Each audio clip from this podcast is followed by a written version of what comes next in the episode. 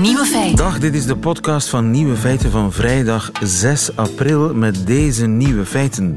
De allereerste daddycoach van Vlaanderen heet Nicky. De eerste superdruiper is gesignaleerd in Engeland. Sander van Horen ontdekt de voorjaarsklassiekers. En Portugal is een gidsland voor hernieuwbare energie. Het middagjournaal komt van Nico Dijkshoorn. Veel plezier.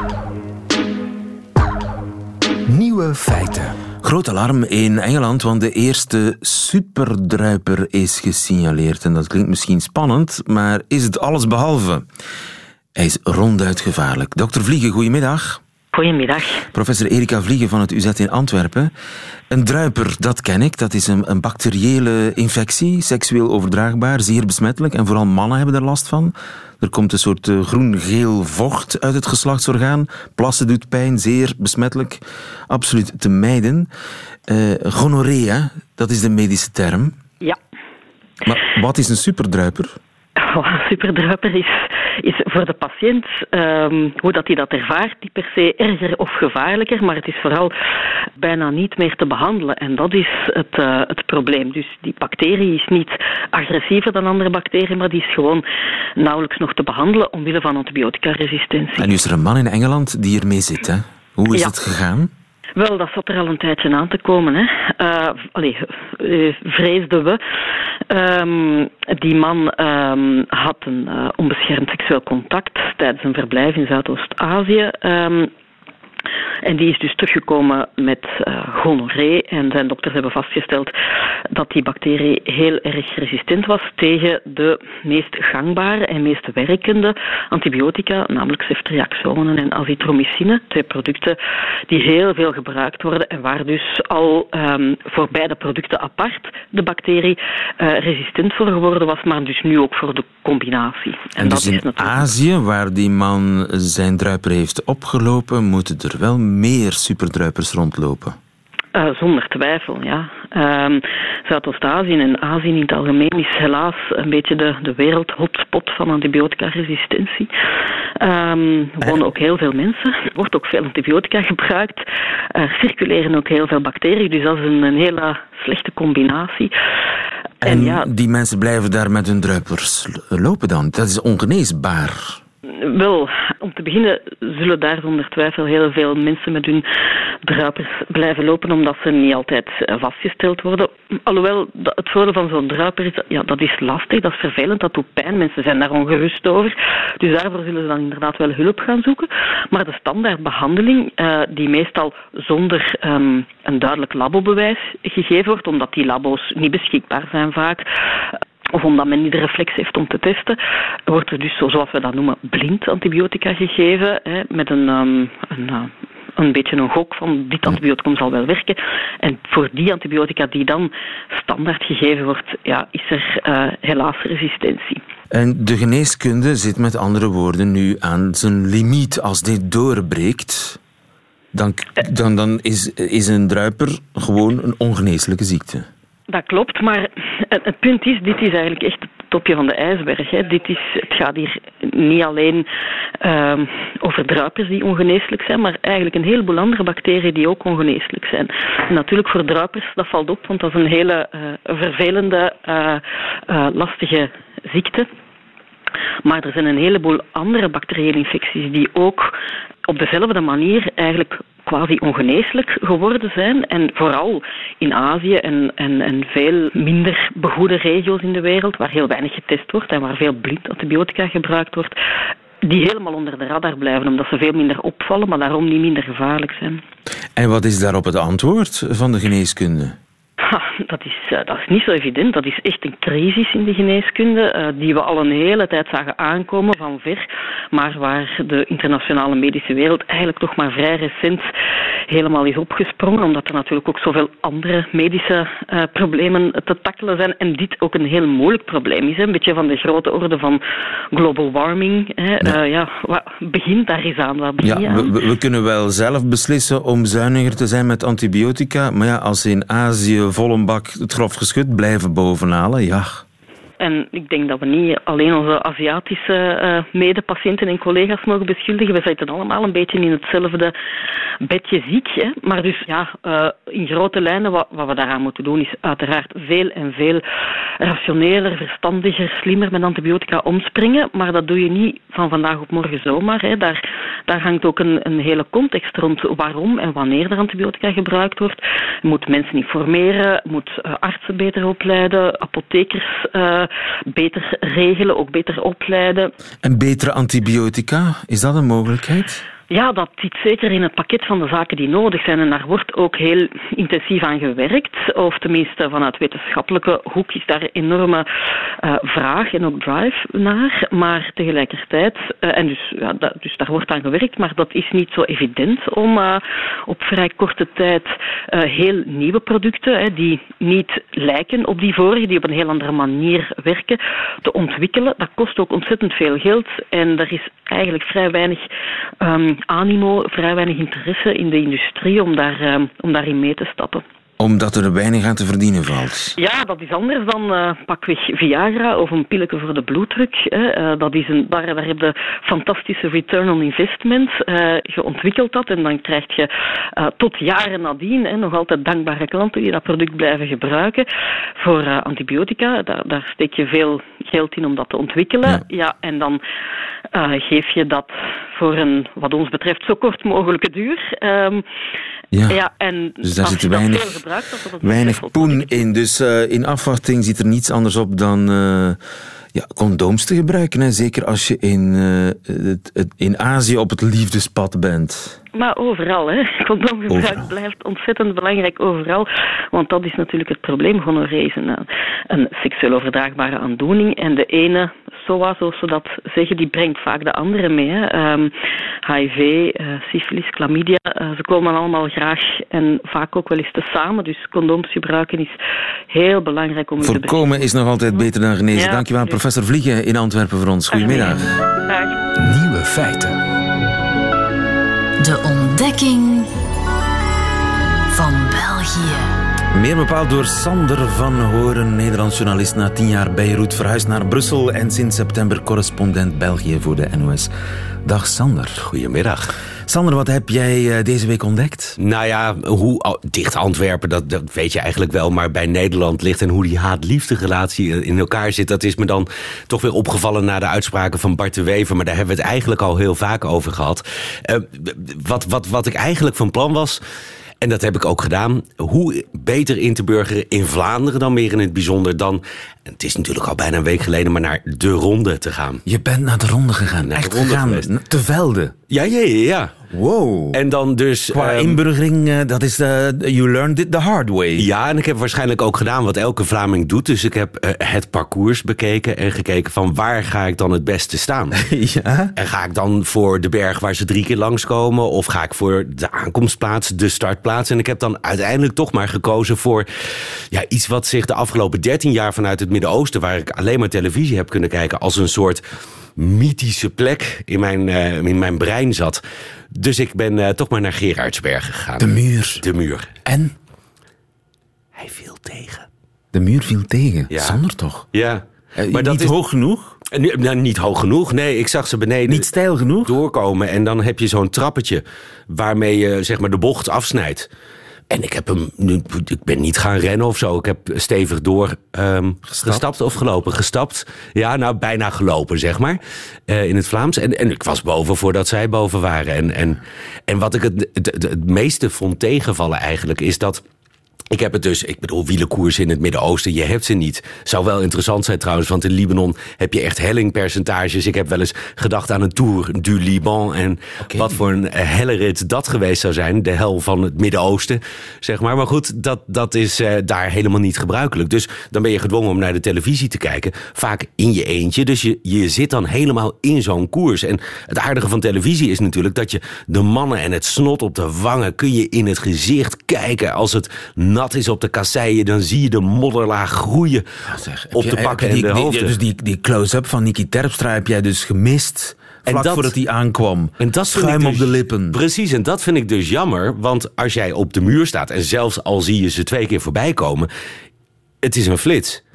Eh, je, je ziet mannen die in, in je gedachten, in je televisiegedachten, een, een mythische grootte hebben. En het zijn gewoon de toerrenners die je eigenlijk altijd langs de Vlaamse wegen ziet. Of de Belgische wegen. En ze zijn niet groter, ze zijn niet mooier. Eh, het enige wat ik er dan uithaal, want ik ben natuurlijk niet zo'n kenner, is dan het blauw van Quickstep. Sowieso natuurlijk een kleurtje wat je tijdens eh, deze voorjaarsklassiekers moet onthouden. Want ze winnen nogal veel. Maar dat is het. En dan zijn ze voorbij. En dan ben je ook meteen uit de koers. Je weet niet hoe het verder Ja, gaat. en wat heb je dan wel gezien? Nou, wat ik gezien heb is eh, sowieso natuurlijk ehm, het station van eh, Gerardsbergen. Want ik, ik, en dat is natuurlijk, ik had aan verwachtingsmanagement moeten doen.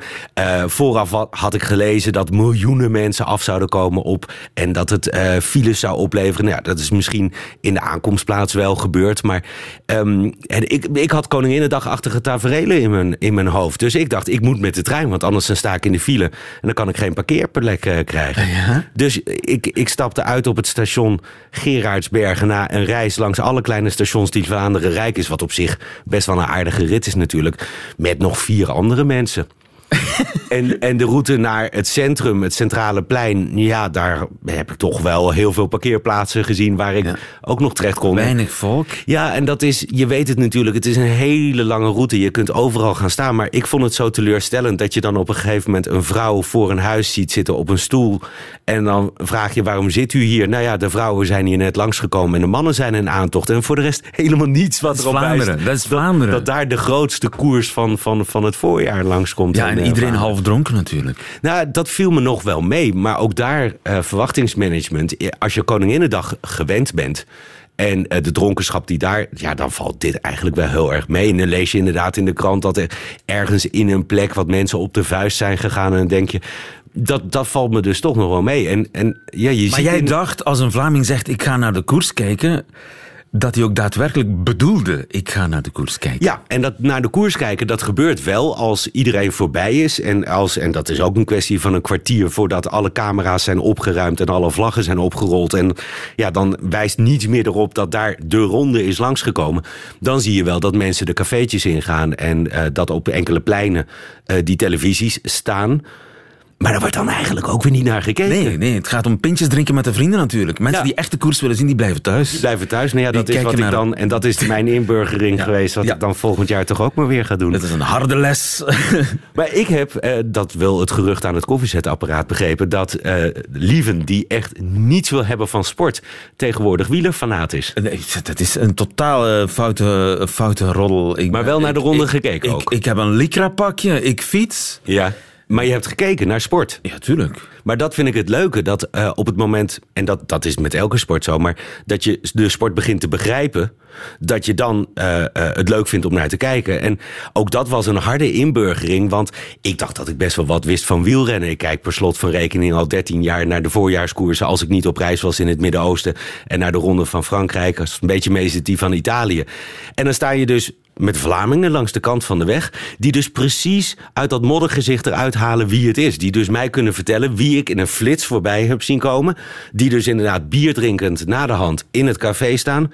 maar op een of andere miraculeuze wij- wijze wel precies weten... wie wat doet, wie wat gedaan heeft... en wie tien jaar geleden wat in welke koers op welke plek gedaan heeft. Ik Ja. vind het fascinerend wat dat, Dat is een mysterie ook voor mij hoor. En dat is wel de link tussen eh, eh, wielrennen in Vlaanderen en voetballen in Nederland. Ik bedoel, voetballen in Nederland, als wij met z'n allen voor de televisie zitten... eh, dan kijken we wel echt trouwens. Dan gaat het, er wordt er een hoop geluld en, en becommentarieerd... maar dan kijken we echt wel naar voetbal, in tegenstelling tot hier. Maar ook daar bij Nederlanders heb je met voetbal dan die, die kennis... Die, die feitjes die maar in dat hoofd zitten en die eruit komen. En ja, dat heb je in Vlaanderen echt met wielrennen. Ik wist het wel, maar ik heb het nu ondervonden. Hij zat eraan te komen, de taaltest. Vandaag met allerlei wielertermen. Ehm, wat is een soepap? Ik zou het niet weten, is mijn bekende eerste antwoord. Een gokje. Een gokje, een soepap in de context? Fiets. Ja, nee, oké, maar... Er zit geen zwart dopje meer op mijn soepap. Ah, bidon? Nee, dat nee. niet. Nee. Eh, soepap is een ventiel. Een ventiel? Ja, het zijn allemaal Franse woorden. Een guidon. Een, bi- een bidon? Een guidon. Guidon. Mm-mm. Een guidon is een stuurwiel. Ach ja? Van, eh, niet een wiel, stuurwiel. Een stuurwiel is een volant in het Frans, maar in Ja. Frans hebben ze twee verschillende woorden. Ja. Guidon is eh, een specifiek fietsstuur. Maar waarom noem je dat niet gewoon een fietsstuur? Omdat het een guidon is. Oké. Ja, zo simpel. Eh, er is iets mis met je derailleur. Ja, oké. nou ja, die kennen we dan wel Ja? in Nederland. Ja, ja, ja. Het versnellingsapparaat. ja. Dit is een hele moeilijke, maar ik had vroeger als kind een torpedo. Nee. Is dat een merk? Ik denk het wel. Ja, toch wel. Ja. Ik denk het wel, maar het is een terugtraprem. ja. En in bepaalde Ah, delen in Vlaanderen is dat de, de, de standaardnaam voor een fiets met een terugtraprem. Ja. Een torpedo. Wielerterrorist? Een wielerterrorist. Ja, Dat is echt een wel... hele algemene term in Het Vlaanderen. wordt, nee, ja. Een, een- Een wielerterrorist. Iemand die inderdaad gewoon met hoge snelheid eh, overal langs raast en eh, voetgangers aan de Ik kant reken hem goed. Ja, toch wel? Meestal, meestal eh, komen ze voor in hordes, in samen. Oh ja, ze doen het samen en die eigenen zich de weg toe. En dat begint nu langzaam een beetje te komen. En dat zie je inderdaad hier vooral. In Nederland de, trouwens de, ook. de wielerterroristen. Eh, een kermiskoers? Kermiskoers. Is dat wat wij het rondje om de kerk noemen? Dus dat je inderdaad in het naseizoen eh koers hebt die weinig voorstellen... maar waar dan de grote namen aangekocht worden? Eh, ik, ik, ik, we gaan mild zijn, we berekenen hem goed. Kermiskoers is gewoon een koers, een kleinschalige koers. Ja. In een dorp, rond de kerktoren vandaar. Ja, meestal met kermis, dus een kermiskoers. Maar ook met een grote naam die vaak voor veel geld daar naartoe wordt gehaald om... Dat zou best kunnen. Zo, zoveel weet ik er ook niet van, Sander. Je, bent, je hebt een goede beurt gemaakt vandaag. Gefeliciteerd. Tot volgende week. Radio 1. Nieuwe feiten. De Daddy Coach. Ik wist niet eens dat die bestond, maar Nicky van Hamel, die is er een. Dag Nicky. Dag lieven. Nicky van Hamel, zijn er veel Daddy Coaches? Dan is mijn vraag, eh, in welk deel van het land of van In Europa? België, in Vlaanderen. België. In Vlaanderen, voor zover ik weet, eh, zijn er nog geen. Al Ah, dus jij bent ik- de eerste, de Ja. eerste Daddy Coach in Vlaanderen. Ja, al vermoed ik dat daar misschien wel snel verandering in zal komen. Ja, en een, een daddy coach, ja, het woord zegt het al, die coacht daddies. Zijn er veel verwarde vaders?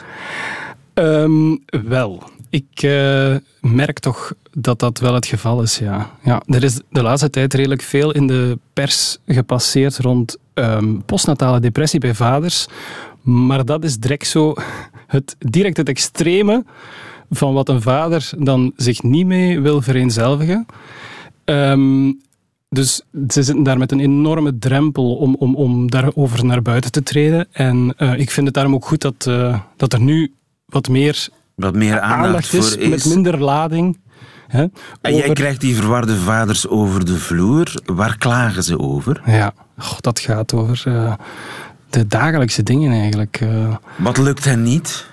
wel, heel vaak gaat het over de relatie met hun kinderen, maar evenzeer over de relatie met hun partner. Of het combineren van werk en privé, zulke zaken. En zijn het dan van die vaders die brullen op hun kinderen en die toch niks gedaan krijgen? Die zijn er ook, ja. ja maar maar het, het- je kan het zo gek niet eh, opnoemen. Of, eh, ja, ze zijn er wel. Dus er zijn vaders die eh, niet tevreden zijn inderdaad met het feit dat ze roepen op hun kinderen. Ehm, of dat ze straffen en belonen en, en merken dat dat in de eh, lange termijn dan toch eh, niet de vruchten afwerkt die ze hadden gehoopt. Ehm, maar vooral ook die combinatie werk-privé is echt een thema. Dus ze zitten te veel op hun werk en krijgen eigenlijk geen contact met hun kinderen. Ja, of ze komen thuis en hun, hun eh, emmer is vol. En ehm, ja, dan Stijf van de stress komen ze thuis Ja. en dan komen die kinderen aan, aan zijn oren zagen en Ja. dan zegt hij, Inderdaad. ga elders. ja, de- de- zoiets. Het is ook logisch. Hè? Het, is, het is echt eh, een fenomeen van deze tijd. We zijn eh, allemaal bijna twee verdieners, fulltime werken. Ehm, en dan kom je thuis en dan zijn er nog kinderen die, die om aandacht vragen. Maar ja, En de je moeders hebben dat willen. probleem toch ook? Ja, tuurlijk. Ja, absoluut. Maar voor hen gaat het makkelijker af. Eh, nee, maar, maar het verschil is, voor hen is er heel wat eh, gerichte ondersteuning. Eh, al, al lang, hè, omdat uiteraard zij zijn de moeder, zij baren het kind. Het is maar logisch dat van in het begin dat er meer ondersteuning was voor hen. Maar omdat vaders nu ook meer en meer actief deelnemen in de opvoeding van kinderen, ehm, ja, eh, is het logisch dat daar ook een, een nieuw soort stress en, en, en uh, problemen bij meekomen, die, die, die nu stilaan toch wel vragen om, om, om een ondersteuning. Ja, ja, want de klassieke vaderrol, die is eigenlijk weggedemsterd. Hè? Als, als de man die de wetten stelt en voor de rest zich weinig aantrekt. Ja, ja. zonder in clichés te vervallen, maar inderdaad, vroeger, vroeger was een vader eerder de kostwinnaar. En, en, en, en de autoriteit. De autoriteit die zorgde voor discipline. En, en, en vandaag de dag uh, doet die vader veel meer. Uh, neemt actief deel in het huishouden. Doet de afwas. Doet de afwas, ja. Kookt. Maar, maar ook met, met de kinderen. je merkt dat, dat vader zijn, dat dat veel meer ja, iets is wat een man wil opnemen. En... Vader begrijpt het. Vader legt een arm om je schouder. Ja. Vader is lief. Vader kan alles huilen. Ja, en dat is die, die, die vrouwelijke kant die dan ja, zich ontwikkelt.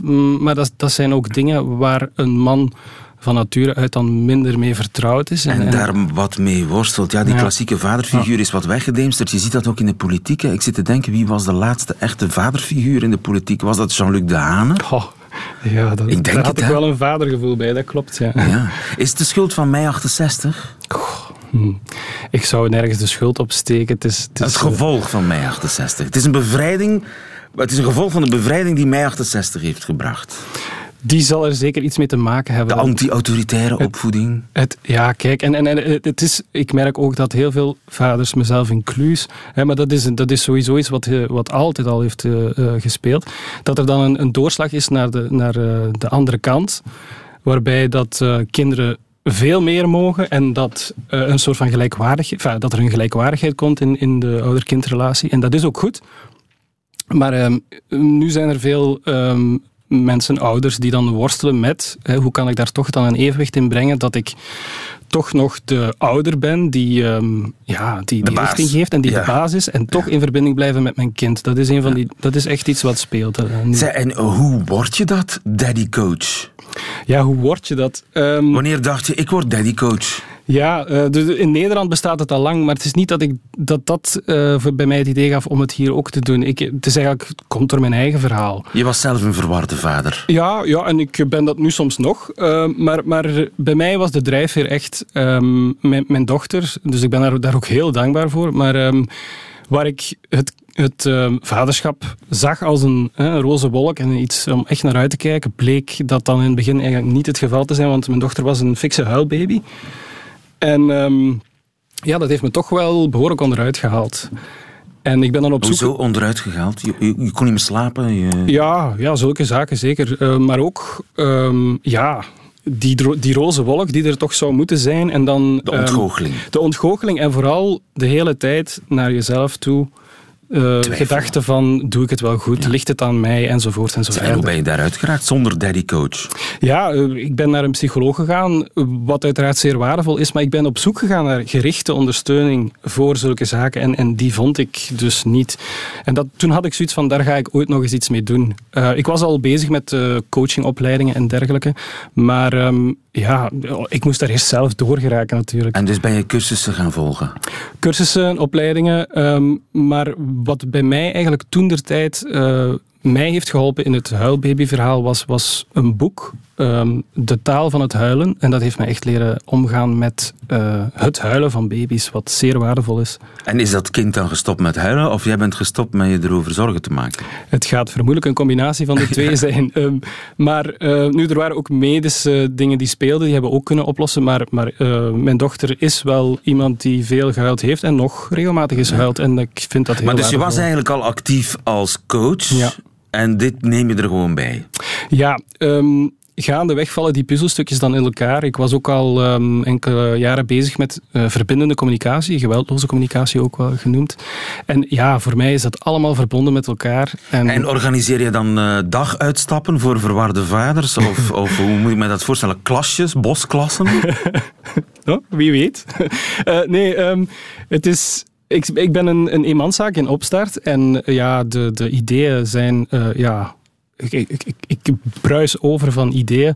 Maar ik ga in eerste instantie dus die één op één coaching verder uitwerken. Eén op één coaching. dus je komt bij, bij, je langs en je vertelt en, en, je, en je krijgt dan tips, zoiets? Uh, nee, tips is, is, zeker iets wat ik in de één op één coaching niet zal geven. Dus geen ongevraagd advies. Hmm. Dus we gaan echt uh, kijken wat er speelt um, bij de vader, met welke vragen hij komt. En dan is uh, eigenlijk wat er het meest gebeurt, dat we vrij snel uit het verhaal gaan. En dat we ja, vrij snel op diepere lagen komen uh, en dat we daar um, ja, processen of uh, bepaalde patronen blootleggen. En dat werkt meestal heel veel. Het werkt, dus je hebt al succesverhalen meegemaakt. Ja, ja. En, en uh, waar, waar, ik snel ook wil op inzetten is vadergroepen, omdat uh, dat is iets wat onder moeders ook al heel frequent uh, voorkomt. Uh, vooral gekoppeld aan vroedvrouwpraktijken. Maar dat is eigenlijk gewoon een um, moment waarop vaders samenkomen en kunnen ventileren over het vaderschap, goede en slechte ervaringen en, en laagdrempelig. De vaderpraatgroep. Ja, zoiets. Daddy coach Nicky, mag ik je heel veel succes wensen. Goedemiddag. Dankjewel. Dag lieve. Nieuwe feiten. Altijd benieuwd. Er is een echt uh, elektriciteitswonder gebeurd in Portugal. Vorige maand hebben ze daar meer stroom gemaakt dan ze nodig hadden. En allemaal uit hernieuwbare energiebronnen. José da Silva, goedemiddag. Goedemiddag. José, onze man in uh, Portugal. In België, ik heb het even gecheckt, zaten we in 2016, dat zijn de laatste bevestigde cijfers, op 17% van alle geproduceerde elektriciteit, of alle verbruikte elektriciteit. 17% uit hernieuwbare bronnen. Uh, hoe zit het daar in Portugal? Nou, dat is over de 100%. Over de 100? Ja, over, over de 100 en dat is sinds kort. En eh, heel wat mensen zijn met hun mond uh, open blijven staan toen ze dit hoorden. Zeker al, omdat je weet dat Portugal een, ja, toch wel een klein, relatief arm land is in Zuid-Europa. Maar op het gebied van, van ja, in deze sector, een high-tech sector, scoren ze het geweldig goed. samen met een paar landen in Europa, Scandinavische landen in Oostenrijk geloof ik, staan ze in de top 5. Maar dat doen ze al staan ze al jaren in de top 5 van de, de, de hoogst producerende groene energielanden uh, van Europa. Ja. En, en ze horen ook bij de top 10 zeker in de wereld, uh, hoewel ik die cijfers niet goed weet. Um, nou, Portugal staat heel um, hoog in, in, in die score, omdat het al heel lang investeert in groene energie. Eigenlijk al vanaf de jaren 90. Toen uh, ja, werd, werd uh, veel geïnvesteerd in het bouwen van stuurdammen. Uh, Portugal heeft uh, natuurlijk veel bergen in het noorden met veel water. Niet altijd veel water, maar dit jaar bijvoorbeeld veel water. En uh, ja, er wordt daar veel energie opgewekt in die stuurdammen. Maar ook windenergie ja, door die bergen en die heuvels. Veel wind. Dat komt door de ligging van Portugal is er altijd veel wind. En ook veel zon. uiteraard. Het is een zuidelijk land, dus heel veel zon. Nou, door de jaren heen is die percentage alsmaar omhoog gegaan. In 2008 was het zelfs 25% al, terwijl het gemiddelde in Europa rond de 10% was. Uh, nou ja, dat uh, was toch wel heel opmerkelijk. Maar uh, slechts vijf jaar later was het al opgelopen naar 70% in 2013. Dus toen waren die cijfers al heel erg goed voor Portugal. En dat is heel goed voor de Portugese economie, want dat hoeft uh, natuurlijk veel minder energie te importeren uit andere landen. Want ze hebben toch nog een klein beetje energie nodig uit andere landen om, om de pieken en de dalen op te vangen.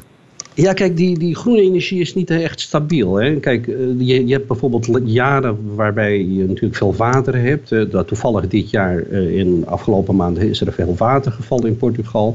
Maar het is niet altijd zo. En dat geldt natuurlijk ook voor wind. Ja, er staat altijd veel wind in Portugal, maar het is niet constant.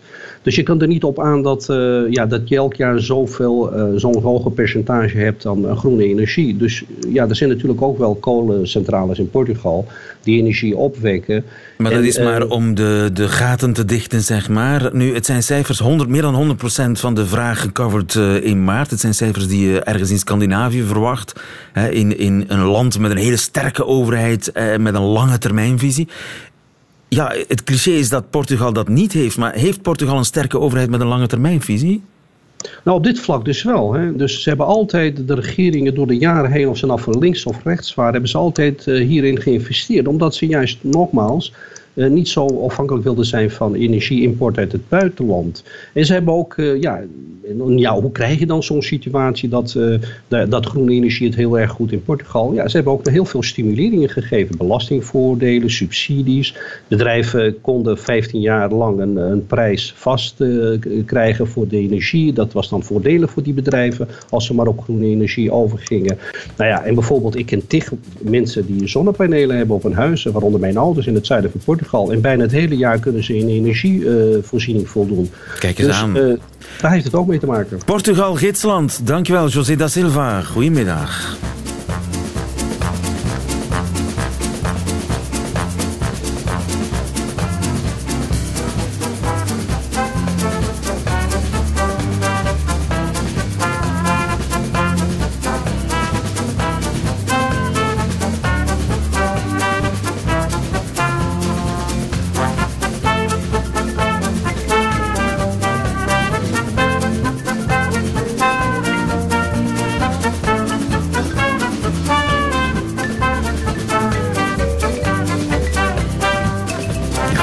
Gidsland. Uh, en onze held is natuurlijk uh, Sander.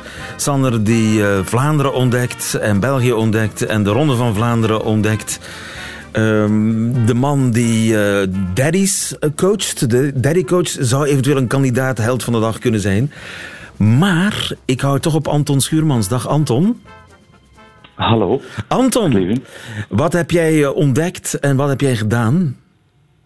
Wel, uh, gaandeweg met mijn fiets, uh, die ik nu ongeveer uh, zes weken heb, ontdekte ik dat de wegstaat van Brussel, dus het wegdek, eigenlijk wel uh, bijzonder slecht eraan toe is, met nogal veel putten.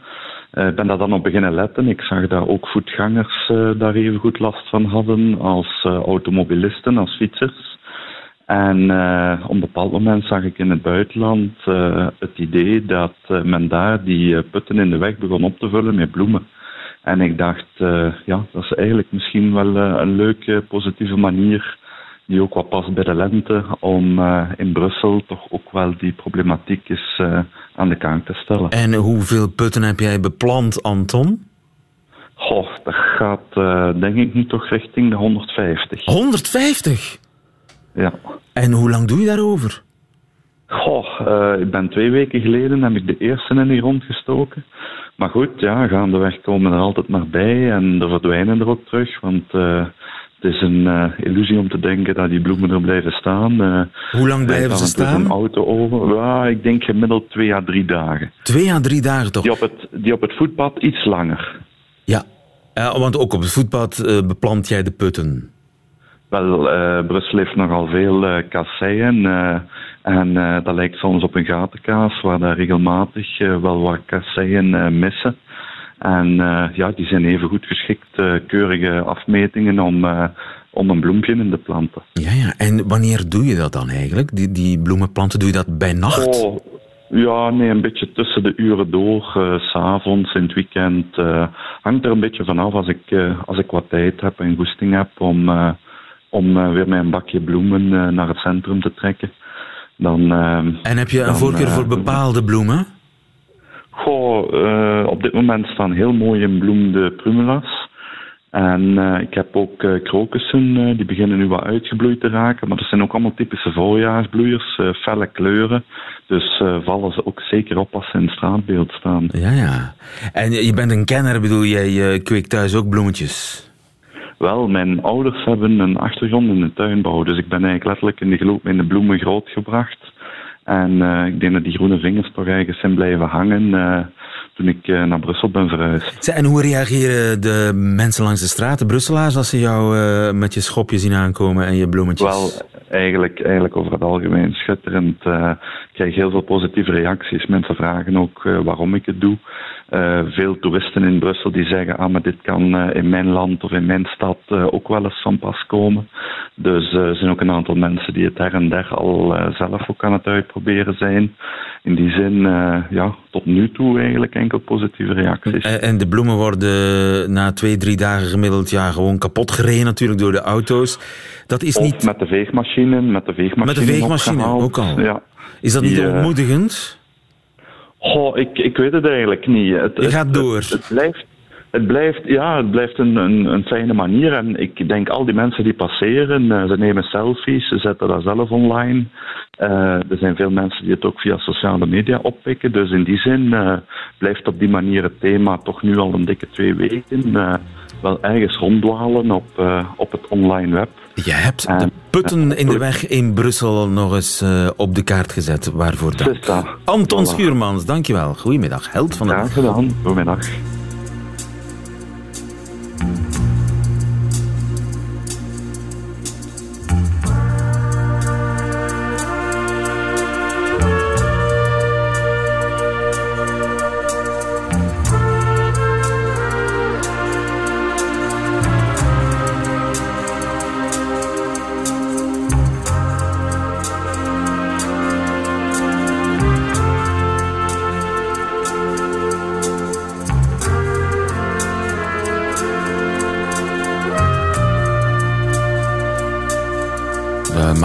Virtuele buiging met z'n allen voor uh, Anton Schuurmans, de man die de putten in de weg beplant met krokussen en irissen en anemonen, waarmee we aangekomen zijn bij Nico Dijkshoorn, die vanuit Leiden, vanuit zijn keuken, het middagjournaal bijhoudt voor Nieuwe Feiten. Nieuwe Feiten. Middagjournaal. Beste luisteraars, het is alweer een tijd geleden dat ik u heb bijgepraat over wat ik allemaal voor zinloze voorwerpen heb gekocht. Ze liggen nu hier voor mij op tafel. Laat ik erbij zeggen dat ik mij vooraf enorm schaam over wat ik u ga vertellen. Het is best veel, maar tegelijk voel ik een intens geluk door mijn aderen stromen. Al die fijne apparaten met lichtgevende knopjes, ik kan ze aanraken. Ze zijn van mij en niet van u. Daar gaan we. Een limoenknijper. Nooit meer als je dronken een mojito gaat klaarmaken een deciliter sap in je oog persen. Nee, met de limoenknijper pers je lachend sap in een glas. Hij is gifgroen, zodat je niet eerst twee uur in een bestekla moet graaien om hem te vinden. Volgende voorwerp. Een DJ-koptelefoon met heel veel bas erin. Daar houd ik enorm van, veel bas. Audiofielen die haten bas. Veel mensen hebben geluidsinstallaties van 40.000 euro en die klinken alsof op iedere plaat de bassist zojuist is overleden. Deze koptelefoon dreunt je hartslag dwars door je lichaam. Dood aan de hoge tonen, leven de bas. Tegen mensen die zeggen, maar Nico, krijg je dan geen fluittoon in je oren? Daar zeg ik tegen, ja, maar alles beter dan het gelul van mensen die naast je staan te wachten bij een bus. Volgende product, een zakmes zonder functies. Het is gewoon een goed zakmes met één mesje. Ik lach om mensen die een kwartier naast je zitten te peuteren om een kurkentrekkertje van 6 mm uit hun zakmes te toveren. Echte mannen die slaan gewoon de hals van een fles wijn en drinken dan door een vergiet. Dan nog even snel wat losse dingen, snel achter elkaar. Ik kijk er nu naar ze liggen voor me. Een pen die licht geeft, een windjack met de vlag van Zuid-Korea op de rug, een hoed die je ook binnenste buiten kunt dragen en een zonnebril die zachtjes kinderliedjes in een oor naar keuze zingt. Luisteraars, ik zit hier wel heel stoer van alles te vertellen, maar in alle eerlijkheid, dit gebeurde er een uur geleden. Ik legde al mijn spulletjes voor mij op tafel en ik keek even naar buiten en daar stond Tanja. En Tanja bekeek haar moestuintje, een houten bak vol met leven. En ik zag haar lachen om een bak vol aarde en zaadjes. Luisteraars, nu schaam ik mij zo. Ik zoek geluk in dingen met draadjes, in dingen die kunnen praten. Maar het geluk stond gewoon de hele tijd naast me en ze keek naar een plantje.